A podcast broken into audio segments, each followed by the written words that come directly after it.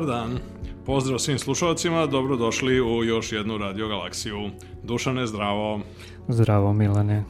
E, ponovo smo tu na radio aparatu u starom dobrom terminu ponedeljkom i a, zagonetni gost najavljen prošlog puta a, je sada sa nama. David Zdravo Bowie. Marko. Marko. Zdravo, zdravo. Znači, naš zagonetni gost, dr. Marko Stalevski, viši naučni savjetnik Astronomske observatorije u Beogradu, jedan od naših najboljih i najvrednijih mladih naučnika i rukovodilac jednog veoma zanimljivog projekta pod skraćenicom BOVI. A, o tome ćemo pričati u nastavku današnje emisije.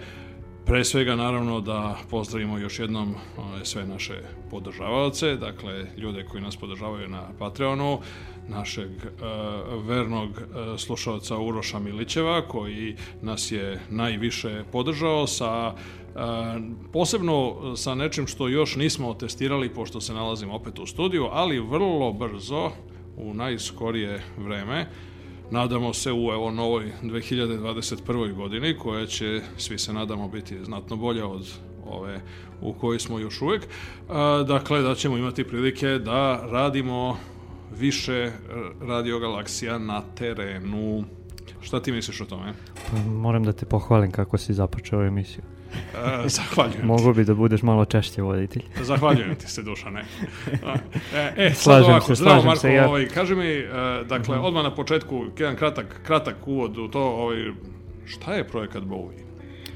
Uh, zdravo opet, pa dobro samo ako mogu za početak ovaj, da se zahvalim na, na pozivu, ovaj, drago mi da sam ovdje u Radio Galaksiji i moram da naglasim, posebno mi je drago što smo u radio aparatu, moram da kažem ovaj, da, da, je, da sam verni pratilac radio aparata od samog početka, tako da pozdrav kako svim slušalcima, a tako i svim dobrim ljudima iza i u, u, koji žive i rade u radio i za radio aparat. U, u radioaparatu živi samo Buda, on će možda da se ovaj, E pa eto, pojavi poz, pozdrav za Budu. Jeste, veliki pozdrav za Budu, ovaj istaknutog ovaj, člana lokalne radioaparat zajednice, jednog istaknutog, istaknutog psa.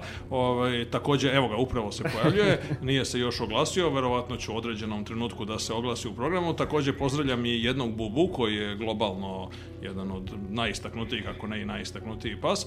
A, I sada, izvini što sam te prekinuo, vratimo se nazad. E da, da se vratimo, pa ovako u jednoj rečenici u projektu Bovi istražujemo uh, zvezdanu, to, međuzvezdanu prašinu koja se nalazi oko supermasivnih crnih rupa, koje se sa svoje strane opet nalaze u središtima s- ili ne baš svih, ali onih svih masivnih, da kažemo, normalnih galaksija.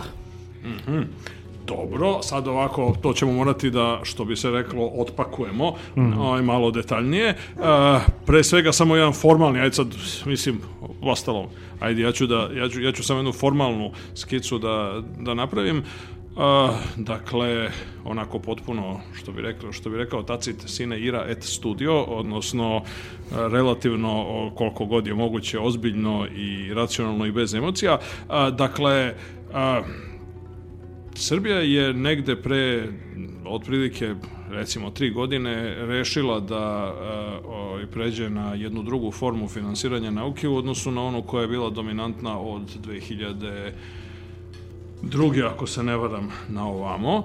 A, Od 2002. na ovamo je bilo, imali smo projektno finansiranje koje je u suštini jedna stvar koja je prilično moderna i u najvećem delu sveta se zapravo nauka e, dobrim delom tako i finansira. E, ispostavilo se da iz razno raznih razloga, što bi rekli, nekada objektivnih teškoća i subjektivnih slabosti, dakle, to nije u toj meri e, zaživalo i. Mislim, jeste to funkcionisalo, ali videlo se da postoje probleme i videlo se da je relativno daleko od optimalnog. E onda, jedan od razloga za to jeste što je svo finansiranje e, državne prirode dolazilo kroz kasu samog ministarstva nauke, onda je ministarstvo nauke kao što se sluš, će se slušalci setiti nestalo prilikom jedne od čuvenih rekonstrukcija vlade. Utopilo se. Jeste, utopilo se ovaj, u Ministarstvu prosvete e, i tamo je naravno vrlo mali segment aktivnosti združenog ministarstva prosvete, nauke i tehnološkog razvoja je povrh svega. Dakle, i shodno tome nauka jeste bila marginalizovana i onda nakon mnogo muka e, je u zakone uneseno pre tri godine rešenje koje inače je kao nekakva rupa na saksiji, postoji u manje više svim zemljama sveta, to je osnivanje fondacije ili fonda za nauku, a, koja je kao organizacija koja je nezavisna, dakle i koja se bavi upravo i samo finansijskim stvarima koje se odnose na evaluaciju, finansiranje projekata a, naučnih i koja treba da bude razdvojena od ministarstva upravo zato da bi se naglasilo da funkcionisanje nauke ne zavisi od pere, žike, mike, laze ili druge konkretne političke garniture koje trenutno na vlasti i koja postavlja činovnike u ministarstvu, nego je nešto što je predstavlja trajno opredeljenje države Srbije i samim tim, dakle, je nešto što je, što bi se reklo, iznad stranačke politike, bar u teoriji.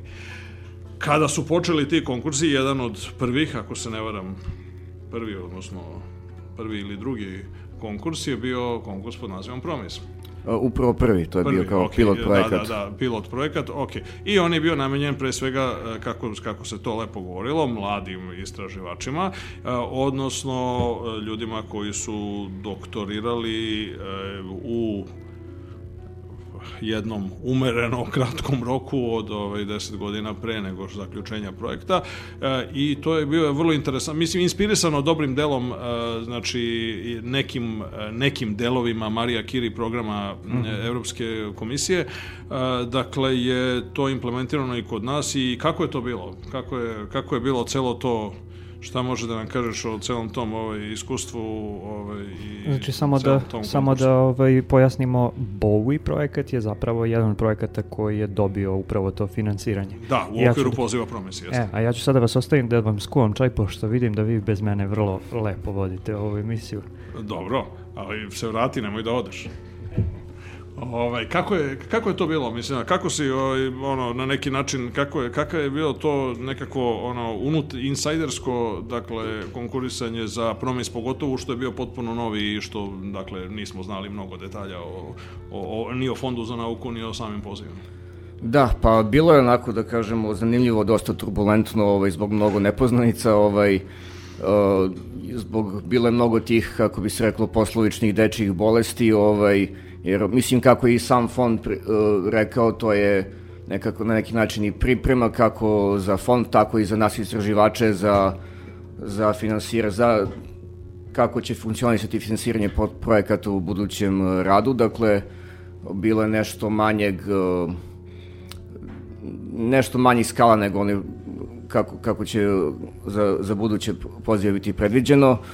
Uh, Pa kako da kažem, mislim, isplivali smo iz svega toga, mislim, bilo je značajno iskustvo, dakle, pisati. Ja jesam ranije ovaj, pisao nekakve razne projekte, grantove, fellowshipove uz inostranstvo, međutim, ovaj prvi put bilo da sam pisao projekat za jedan manji tim. Uvijek je to ranije bilo, su bili individualni grantovi. Mm -hmm. Tako da bilo je, bilo je ovako značajno iskustvo, jeste naporno, ovaj, ali što kažu, ovaj, kad se jednom to predbrodi, da bit ćemo spremni za konkurisanje za neke evropske projekte.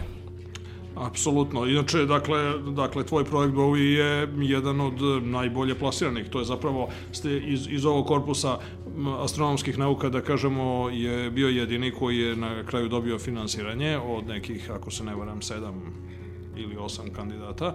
A, dakle, a bio je i u konačnoj rang listi jedan od najbolje plasiranih. Da, sad se ne sjećam tačno, ovaj, bilo je finansirano 59 projekta, čini se da smo bili tu negde na sredini listi ili tako nešto, možda malo iznad. Dobro. da... ovaj, ok, i to je sad, koliko traje projekat? A, dve godine. Dve godine, dobro. Ovaj, e sad, ok, ono što si pomenuo, znači na početku, uh, Znači, kako se, znači, aj počnemo sa međuveznom prašinom. Međuvezna prašina, što je onako jedan interesantan pomalo i poetski naziv. Kako bi ti rekao, po čemu se ona razlikuje od recimo prašine sa kojom se, eto, moramo izboriti na primjer u kući ili ovaj znači kad čistimo knjige ili kad ovaj bilo šta radimo od ovih uobičajenih uobičajenih kućanskih poslova ili na ulicama Ili naravno ove prašine na ulicama i ove prašine koje, koji nam, koje sačinjava dobar deo zagađenja o kome se dosta diskutuje, posebno u Beogradu. Da, da, pa dobro, fizička svojstva stalno prašine su nekoliko drugačije, ali rekao bih da, da ulogu koju ta međuzvezdna prašina ima je donekle slična ovoj koji ima ova naša prizemna zemaljska, a to je da se isto tako ovaj, lepi za stvari prekriva, zaklanja, vidik i ovaj, otežava vam da vidimo stvari onakvi kakvim jesu. ovaj, Dakle, pa a možemo, sad... a kako sad to? Znači, nju ne možemo da počestimo, ovaj, nema onaj praher ili tako nešto, ovaj, dakle, ona nam je jednostavno tu, pa je tu, odnosno ne možemo nikako da uklonimo ovaj, njeno... Pa mi ne možemo, mi ne možemo, ovaj, možda u nekoj dalekoj budućnosti nekim ovaj, astroinženjeringom, ovaj, ovaj, ali za sad smo osuđeni da to, ovaj, da se borimo s tim na druge načine. Uh, ok, pre svega, ajde sad teško je proceniti, ali procene su negde da između 20 i 50% svih svetlosti koje izrače zvezde u galaksiji, dakle, među 20 i 50% biva absorbovano od strane prašine. I sad je naravno ta ova energija nije izgubljena, ona se ovaj ona zagreva samo prašinu koja potom ovaj izrači termalno, dakle u, u infracrvenom to su one talasne držine odmah iznad, ovaj, odnosno ispod onih vidljivih crvenih, zato infracrveno. Mi ne možemo da ih vidimo, ali neke životinje, na primjer, mogu. Dakle, to je ono prosto toplotno zračenje koje svako telo emituje. Ovaj, e sada, recimo, u međuzvezdnom prostoru, pa prisustvo površine je očigledno, recimo, kao nekakve tamne mrlje ili trake koje vidimo na diskovima galaksija ili naspram svetlih maglina kao što je recimo čuvena konjska glava u Orionu. E, da. Ovaj, međutim, to su da kažem, ajde, to su da možda i, i manji deo prašine se nalazi, ima tako očigledan otisak. Zapravo prašina je rasprostuta svuda u, u duž čitavog diska galaksije i sada, iako je Ova, iako je ona praktično sve prisutna, nije tako lako ustanoviti njeno prisustvo, jer zapravo sva ta međuzvezdana materija je izrazito niske gustine. Znači, čak i oni oblakci gasa za koje bismo mi astronomi rekli da su veoma gusti i to je daleko, i dalje daleko razređenije od, od bilo čega na zemlji. Ovaj, tako da ovaj, vi sad možete da imate, posmatrate neke izvore magline, galaksije i tako dalje i ne vidite nikakve očiglednu, očigledne trake mrlje prašine ispred, međutim, malo po malo, dakle, na, na duž linije ka tom objektu, ovaj, zrnca prašine rasijavaju i apsorbuju zrake i sada na kraju do vas dođe nešto, vi zapravo ne znate koliko je od toga preostalo od onog izvornog oblika, izvor, izvora zračenja. Vrlo dobro. Vratit ćemo se na, na osobine međuvezdne prašine, ali sad najpre jedna muzička numera. Šta slušamo, Dušane? Jedna muzička numera može upravo da bude David Bowie i Logično. recimo Ziggy Stardust. Želim.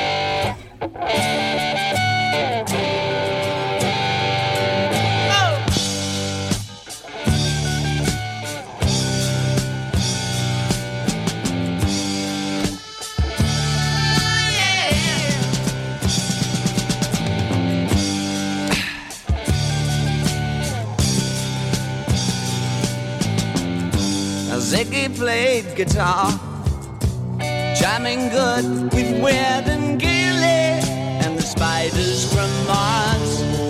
He played it left hand, but made it too far. Became the special man, then we were Ziggy's band. Ziggy really sang Screwed up eyes and screw down hairdo, like some cat from Japan. He could lick 'em by smiling, he could leave them to hang. They came on so loaded, man, well hung snow white tan.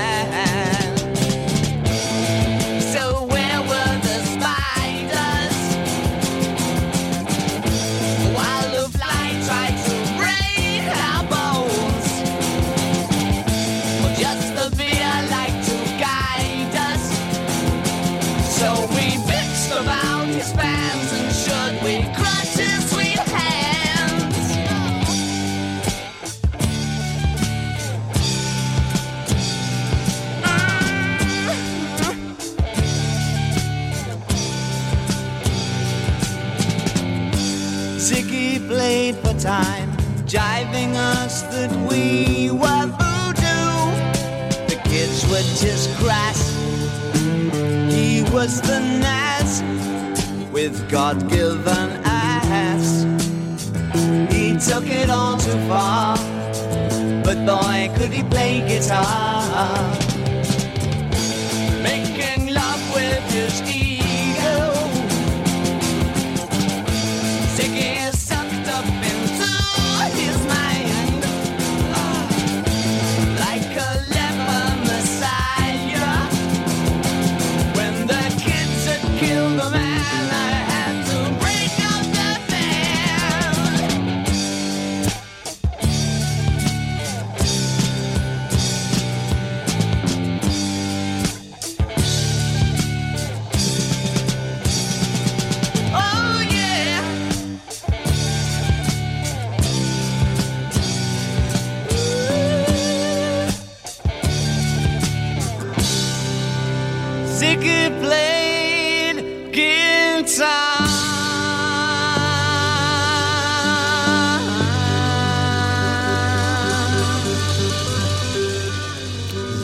Played guitar.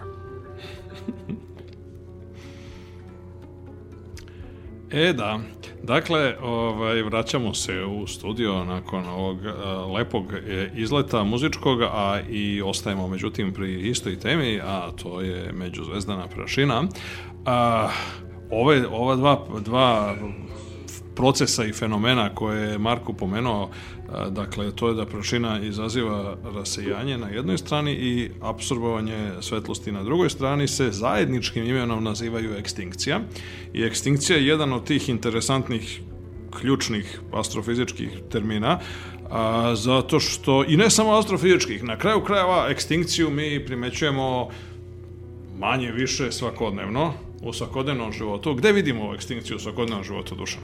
E, pa na primjer ekstinkciju vidimo kada posmatramo ulice i hoćemo da vidimo sunce tokom dana kad je zagađeno, zagađena atmosfera i mi zapravo e, vidimo slabo sunce ili ga uopšte ne vidimo. E, Odnosno, dobro, naravno, naravno, s tim što ovaj, možda najlepše primjer, ako ga uopšte ne vidimo, onda to i nije baš možda dobar primjer, ali recimo sunce na zalasku i na izlasku, kada ga mi vidimo, ali ono očigledno izgleda crvenije boje, i očigledno je manjeg sjaja, pošto ga možemo gledati relativno opušteno, za razliku od gledanja u sunce na vedrom danu kada je ono visoko iznad horizonta koje svakako ne preporučujemo našim slušalcima i uopšte, pošto može dovesti do oštećenja vida, ali pri izlasku i zalasku sunca očigledno da to nije problem. Zašto? Zato što je u pitanju ovaj put atmosferska ekstinkcija e, sunčeve svetlosti, a to je manje više slična stvar kao ono što se dešava. Jedina razlika jeste u tome što je generalno gledano zemaljska prašina je nešto većih dimenzija nego što je nego što je ova međuzvezdana koja je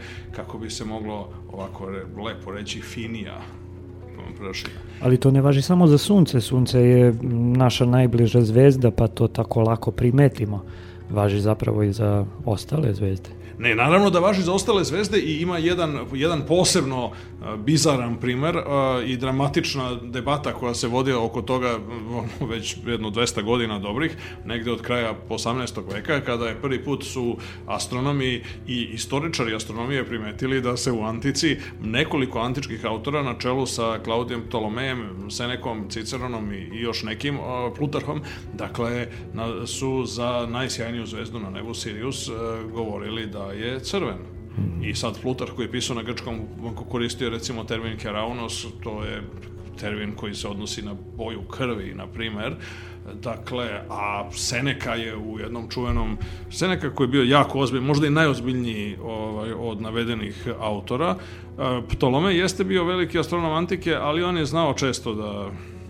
Hm, Mislim, modernim terminima rečeno, on je bio onako, mislim, ima, znao je da podvali sve i svašta, tako da kod njega ima, ima podataka, čak i tvrdnji koje su potpuno besmislene i koje su, znači, gde se tačno vidi da je njega zapravo mrzelo da neke stvari posmatra. Na primjer, ima tvrdnja da je on posmatrao, ne znam, pomračenje meseca i tako dalje, dana na koje smo danas sigurni da se nije, da se ono uopšte nije odigralo. I ima još par nekih tvrdnji koje su relativno ovaj, onako ovlašnog karaktera, ali no, on se u ovome slaže sa gomilom drugih antičkih autora, do duše svih iz sa Mediterana, dakle da je e, Sirius bio C. E sad, ko danas pogleda Sirius, svakako mu neće delovati crveno, on se vidi, do duše uvek se vidi nisko na južnom nebu, što je verovatno ključ rešenja te zagonetke, zašto nama danas Sirius, mi znamo da je to jedna bela zvezda klase A0, a to su baš ove naj, najbelje moguće, e, a zašto bi ona bila stavljena u, antičkim spisima, kažem, tim tekstovima u isti, e, u isti kontekst i spomenute u istoj, praktično, bukvalno kod sve neke u istoj rečenici, kao recimo Betelgeuse ili Arctur, koji su zvezde M, znači crveni džinovi M klase, koji su, znači, zaista očigledno crveni, to nema nikakve dileme. E, jedna sad- od teorija je da je to zbog ekstinkcije. E sad ovdje nije tema e, zapravo prašina u e, atmosferi, nego prašina van atmosfere. Pa jeste, ali baš ovaj primjer nam ukazuje zapravo da je, da je jako teško razdvojiti ta dva. Zato što ljudi neki kažu, vidite, kad je, na primjer, a, kad je vulkanska erupcija velika, u više navrata, onda se primećuje i da je zalazak sunca crveniji nego inače. A i sve druge stvari su crvenije nego inače, zato što ima više te atmosferske prašine u stratosferi. E sad, kako razlikovati taj efekat od nekog efekta koji potiče od, sa, od e, međuzvezdane ekstinkcije, to je vrlo interesantno pitanje i ovaj, u nekom smislu reči je upravo ovaj, ono zašto mi proučavamo međuzvezdanu prašinu. Pitanje za Marka i pitanje zapravo kako smo otkrili da postoji međuzvezdana prašina e, uz svu ovo ostalo slabljenje. Pa, pre svega, kao što sam rekao, ovaj, putem prosto tih prisustva tamnih mrlja, fleka i tako dalje, a zatim i samim infracrvenim zračenjem same prašine, dakle, koja ona absorbuje to zračenje koje potiče iz ultraljubičastog ili optičkog domena, zagreva prašinu i zatim emituje u infracrvenom.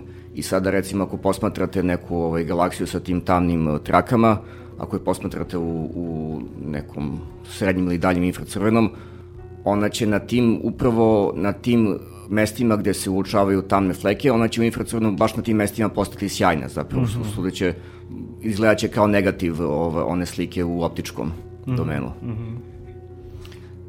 Manje više svuda imamo te, kad pogledamo te, e, recimo, dobar primjer je ona Sombrero galaksija. Dakle, možda najčuveniji primjer gde se jasno vidi Dakle, da postoje nekakva crnilo, koje, crne trake koje, koje prolaze ovaj, preko našeg vidljivog diska. E sad, pošto su galaksije udaljene tako gde su, se nalaze tamo gde se nalaze e, i mi njih vidimo samo pod jednim uglom, znači one se vrlo sporo kreću, tako da ne možemo da ih vidimo pod raznim uglovima, onda to jeste jedan od zadataka upravo za, e, dakle, za teorijsku astrofiziku, upravo da nam, e, da pokuša dakle, da modelira kako to zaista realno izgleda u 3D. I time upravo, time se zapravo približavamo da dolazimo do onog drugog pola. Kakve su to galaksije koje, koje ti proučavaš i tvoji saradnici u okviru projekta Bowie? Da, pa proučavamo ono što zovemo aktivna galaktička jezgra. Ove, to je zapravo, pa one čine manji, manji procenat ovaj, o, svih galaksija. Zapravo sve galaksije prolaze kroz tu fazu, aktivnu fazu, u jednom ili više puta u toku svog života. Ove, šta po tim smatramo? Pa rekli smo na početku da svaka galaksija od ovih barem većih masivnih regularnih ima u svom središtu jednu supermasivnu crnu rupu, gde po time od supermasivnim se smatra, znači to je otprilike od milion do milijardu puta masivnije od našeg sunca.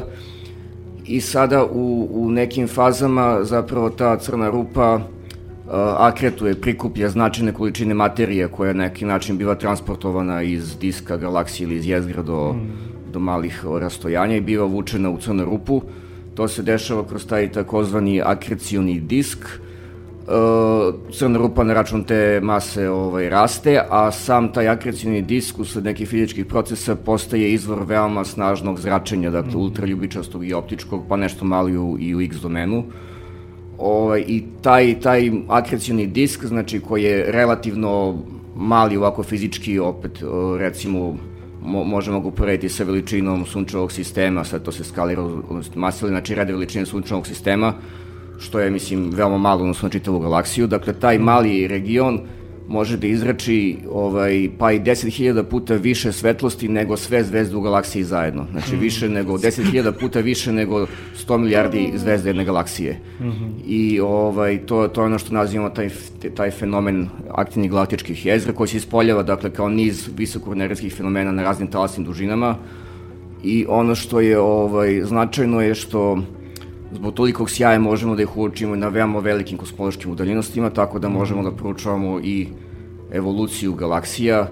I znamo da iz niza korelacija koje uočavamo između mase crne rupe i, i ove, nekih osobina galaksija, znamo da te supermasivne crne rupe i galaksije na neki način evol- evoluiraju zajedno, to jest utiču na rast jedne i druge i ovaj, jedan od glavnih mehanizama je upravo taj pritisak zračenja koji potiče iz, iz akrecionog diska. Mhm. Znači mi imamo jednu uh, ogromnu, masivnu, supermasivnu crnu rupu koja guta prašinu i gas i tako dalje i stvara okruženje koje ima vrlo energične pojave uh, i između ostalog i izračuje energiju koja deluje na sve što se nalazi u galaksiji, a posebno na, na prašinu. Da, I da. jel zato ovaj uh, akronim Blowing in the Wind? Zapravo to je, to je jedan način da se ukloni ovaj prašina što je Milan na, na početku rekao, to je jedan galaktički ovaj ajde nije usisivač nego ventilator. Da, da, da, E, da. ventilator, da. Da, odlično, odlično.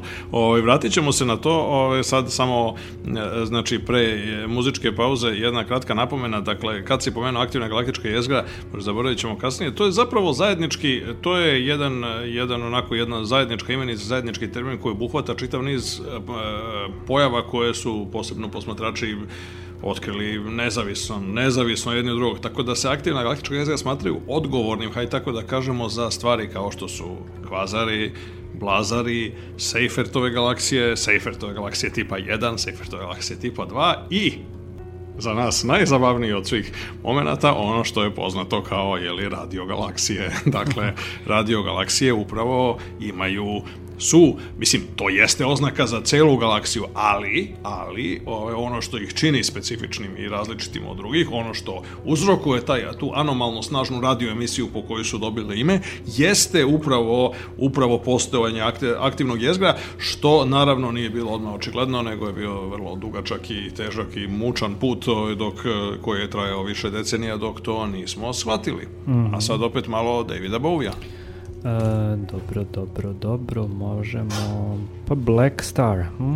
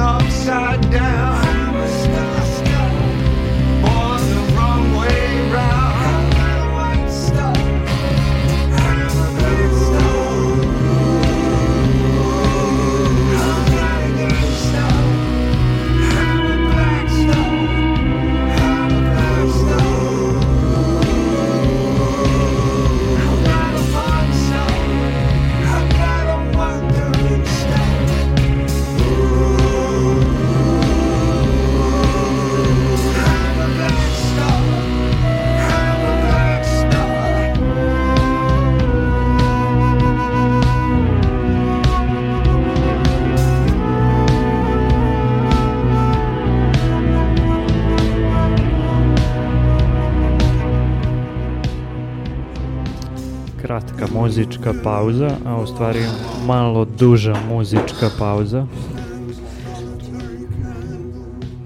E, ništa, malo ćemo sad ovo da skratimo da bismo imali više vremena da pričamo. Izvoli Čiro, podijum je tvoj, što bi rekli neki. E, pa ponovo smo tu. Dakle, dakle, pre nego što nastavimo o međuzvezdanom, odnosno galaktičkom vetru, samo je jedna, jedna mala napomena kad već govorimo o međuzvezdanoj ekstinkciji. Međuzvezdana ekstinkcija je otkrivena pri, relativno kasno u istoriji astronomije, 1930. godine, jedan vrlo interesantan lik i jedan relativno neopevani heroj savremene astronomije, čovjek po imenu Robert Julius Trampler, je a, dakle, 1930. Dakle, obratiti pažnju, to je bilo prilično kasno, kad smo i već postali svesni, recimo, veličine mlečnog puta i ulu mesta mlečnog puta u generalno svemiru punom galaksija, što bi rekao Hubble, to su, to su ostrvski univerzumi. Dakle, postavljalo se pitanje zašto su ljudi prethodnih vekova, ali bukvalno vekova, dakle negde od Huygensa preko Herschela i velikih astronoma 19. veka kao što su bili recimo Huygens, Struve, otac i sin, struve e, i drugi, zašto bi oni kad bi pogledali, e, pokušali da izvedu projekat koji je Herschel nazivao zvezdane mere, e, dakle, to je da, da vide da izbroje zvezde jednostavno u identičnim malim prostornim uglovima u raznim pravcima, dobijali jako slične rezultate gde kuda god da pogledaju, što je slično onome što inače naivno posmatramo, kad posmatramo po nebu, mi otprilike čini nam se da su zvezde relativno slučajno raspoređene, slučajno znači manje više do na nekakvu Poissonovu grešku homogeno, to znači da kad bismo izdvojili nekakav recimo, ne znam, nekakav prostorni e, prostorni ugaoni stepen, kvadrat, recimo kvadratni ugaoni stepen, nekakav, nekakvu jedinicu prostornog ugla, mi bismo u proseku vidjeli isti broj zvezda u raznim pravcima i smerima. I stoga su onda ljudi zaključili da mi mora da se nalazimo blizu centra našeg zvezdanog sistema i onda su čak i tako veliki astronomi kao što je bio Kaptajn su formulisali te modele galaksije gde se mi nalazimo blizu centra galaksije, što je naravno duboko pogrešno. A zašto je pogrešno? Pa pogrešno je zato zbog ekstinkcije. Upravo ekstinkcija je ona što možete zamisliti to kao jednu svojevrsnu zaveru prirode, pošto ekstinkcija je ono što čega ima najviše tamo, odnosno u disku mlečnog puta gde ima najviše zvezda. I shodno tome, dakle, ono kao što je Marko rekao, jedan ogroman procenat, znači 20 do 50% e, svetlosti biva apsorbovano, znači mi gubimo, ne vidimo jednostavno zvezde zbog zvezde malog sjaja, udaljene zvezde zbog ekstinkcije, tamo gde ih ima najviše, a tamo gde ih ima najmanje, znači pod pravim uglom u odnosu na, na, na, disk mlečnog puta, tamo ima najmanje i ekstinkcije i samim tim je daleko lakše vidjeti videti zvezde malog sjaja, zvezde koje su udaljene od nas i slično. Tako da se ta dva efekta se međusobno e, kao nekakvom zaverom prirode se međusobno kompenzuju i onda se nama čini da su zvezde relativno uniformno izotropno, kako bi se tehnički reklo, raspoređene na, na nebu, a to zapravo nije slučaj. Naprotiv, dakle, mlečni put, mi znamo da je disk mlečnog puta veoma ravan, znači disk mlečnog puta najbolje uporediti sa, recimo, starim dobrim kompakt diskom ili DVD-om, pošto otprilike su takve razmere, dakle, on je otprilike nekih, recimo, da je ta, da je u dve dimenzije jedno 30 do 50 puta veći nego što je u onoj trećoj vertikalnoj dimenziji, tako da to otprilike odgovara generalno naravno proporcijama proporcijama kompakt diska e, i dakle tu su to je većina zvezda i razlog zašto je bilo tako teško to očiti to je tek Trampler shvatio dakle 1930. godine da je to upravo zbog postojanja ekstinkcije koja nije koncentrisana samo u oblacima to su ove stvari koje je relativno lako videti te tamne oblake nego je ima i svuda u naokolo e sad Dakle, tamo gde je nema, odnosno gde su je recimo eksplozije supernove ili možda aktivna galaktička jezgra počestili, šta se tamo dešava? Odnosno, evo, Buda nas malo ovaj, tu pokušava, pokušava da nas, da nas poremeti, ali kakav je to vetar koji duva i ovaj, uklanja aha, prašinu? Da, da, pa dobro. O, ok, ovako, pa rekli smo dakle da supermasne centrupe gutaju tu prašinu i gas koje se nalaze oko nje, oni se nalaze u tom takozvanom nekom rezervaru u obliku ovako približno Torusa ili nekog đevreka, dakle u, pred, o, o, u, u, ograničeno neku, u neku ravan, dakle tu ekvatoru ravan oko crne rupe. Ovaj, međutim, neka skorija posmatranja sa, sa VLT teleskopa Evropski južne observatorije u Čileu, dakle Very Large teleskop, veoma veliki teleskop ovaj, u četiri zapravo tele, osmometarska teleskopa na planini Paranalu na severu Čile u pustinji Atakama.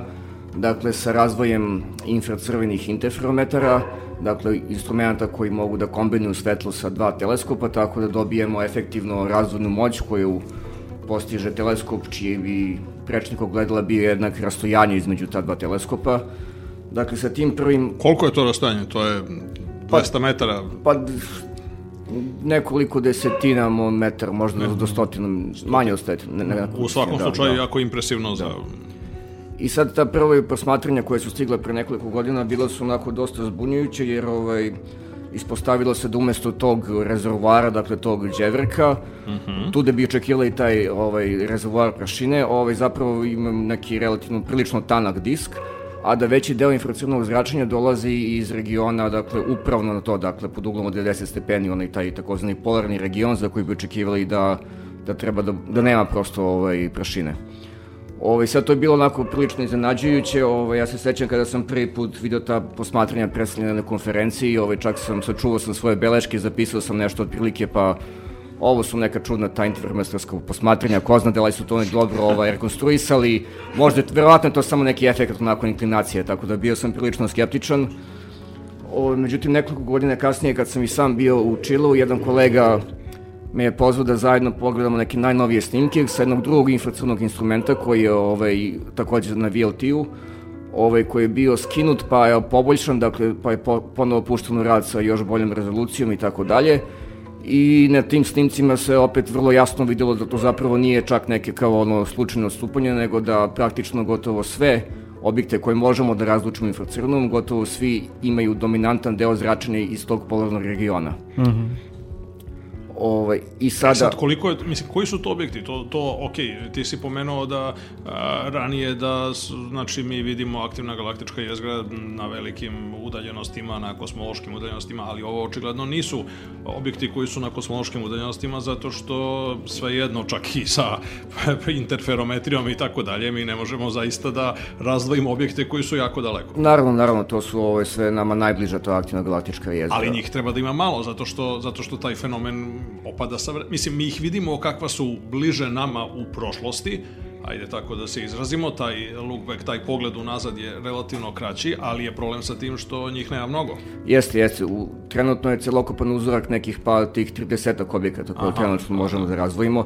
To će se promeniti sad sa, ovaj, nadamo se, novim ovim svemirskim teleskopom James Webb, mm -hmm. ovaj, koji će takođe operisati u infracrvenom i koji će, pa imaće sličnu razvojnu moć, ali će biti imaće ovaj, do hiljadu puta veću osetljivost. Tako da očekujemo da, da proširimo znatno taj uzorak. Aha, a ovaj, recimo, ok, i na primer, neka od, mislim, koji su to neki od, neki od zanimljivih objekata kojima se ti bavio? Pa, recimo, to je poznata sad, mislim, svima u, u, u oblasti aktivnih galaktičkih razgara poznata ovaj, galaksija pod imenima NGC 1068 ili Circinus, odnosno galaksija Circinus, odnosno to je latinski za šester, čini mi se, ako mm -hmm. ne grešim, dakle, koja se nalazi u sažeđu šestera koje se vide na južnom nebu. Jeste. I to je, to je upravo galaksija koju sam počeo da proučavam tada u Čileu i koju sada nastavljam da proučavam u okviru projekta Bowie. Ok, i e, dakle, ok, do, dolazi emisija, znači dolazi iz polarnih regiona, a zašto je to tako? Da, ovaj, pa sad to nije i dalje razjašnjeno, ali ono što predlažemo zajedno sa nekim kolegama, da je to upravo, dakle, prašina iz tog ekvatornog regiona, dakle, sa samo one ivice, dakle, sa tog radijusa sublimacije, dakle, gde prašina isparava, dakle, ovaj, pod, pod uticajem, pod pritiskom, dakle, samog zračenja iz akrecijnog diska, ono koje dela na tu prašinu i ovaj, praktično je podiže i podiže i izbija ovaj, u, u pravcu normalno na disk. Malo nam Buda smeta. Pa pomalo, mislim, zove, eto, nešto ga, nešto ga je ova tema posebno inspirisala. To, to je zapravo jedini, jedini način na koji sad, sada postoji već ovaj, kako, kako smo, ovaj, dobijamo ta nova posmatranja, ovaj, kolege razne rade na što teorijskim, čisto teorijskom pristupu, što da raznih hidrodinamičkim simulacijama koje pokazuju da zapravo to jeste ovaj, jedan vrlo, vrlo, vrlo moguć ovaj, put da se ta pršina podigne u polarne regione. Zapravo možda čak i neizbežan. E sad, ono što, ono što je tu interesantno jeste takođe pitanje, dakle, pre svega, otkud toliko prašine tamo?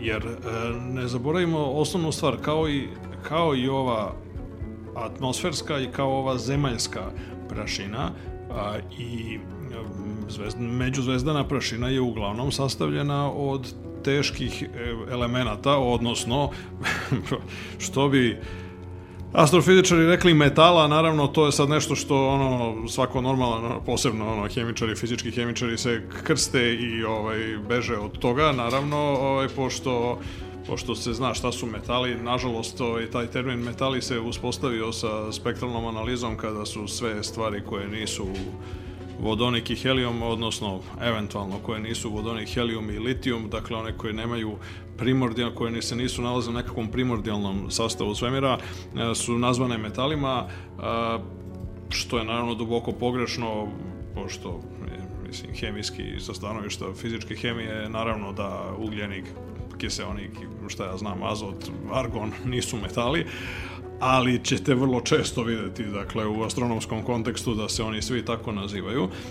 E sad one, dakle mi smo ranije spekulisali, a od skora, eto, mislim, imamo i ove neke uzorke, čak imamo i uzorke ove doduše iz sunčevog sistema prašine koja je doneta na zemlju e, i mi znamo da su tu recimo u prašini su recimo stvari kao što su, ok, pored jedinjenja ugljenika, koja su naravno sve prisutna, a, pored toga imamo stvari kao što su silikati, kao što je recimo magnezijum, pa ovaj, sumpor, pa gvožđe, pa aluminijum, pa tako neki razni neki hemijski elementi, ali oni treba prethodno da se stvore i treba da se kondenzuju u, u prašinu. Kako je moguće da ima baš toliko te prašine ovaj, u objektima koji su, uključujući čak ovaj put i neke objekte koji su na većim udaljenostima, pa ih vidimo još dalje u prošlosti, tako da bi se na prvi pogled činilo da bi trebalo da ima manje prašine, a ne više.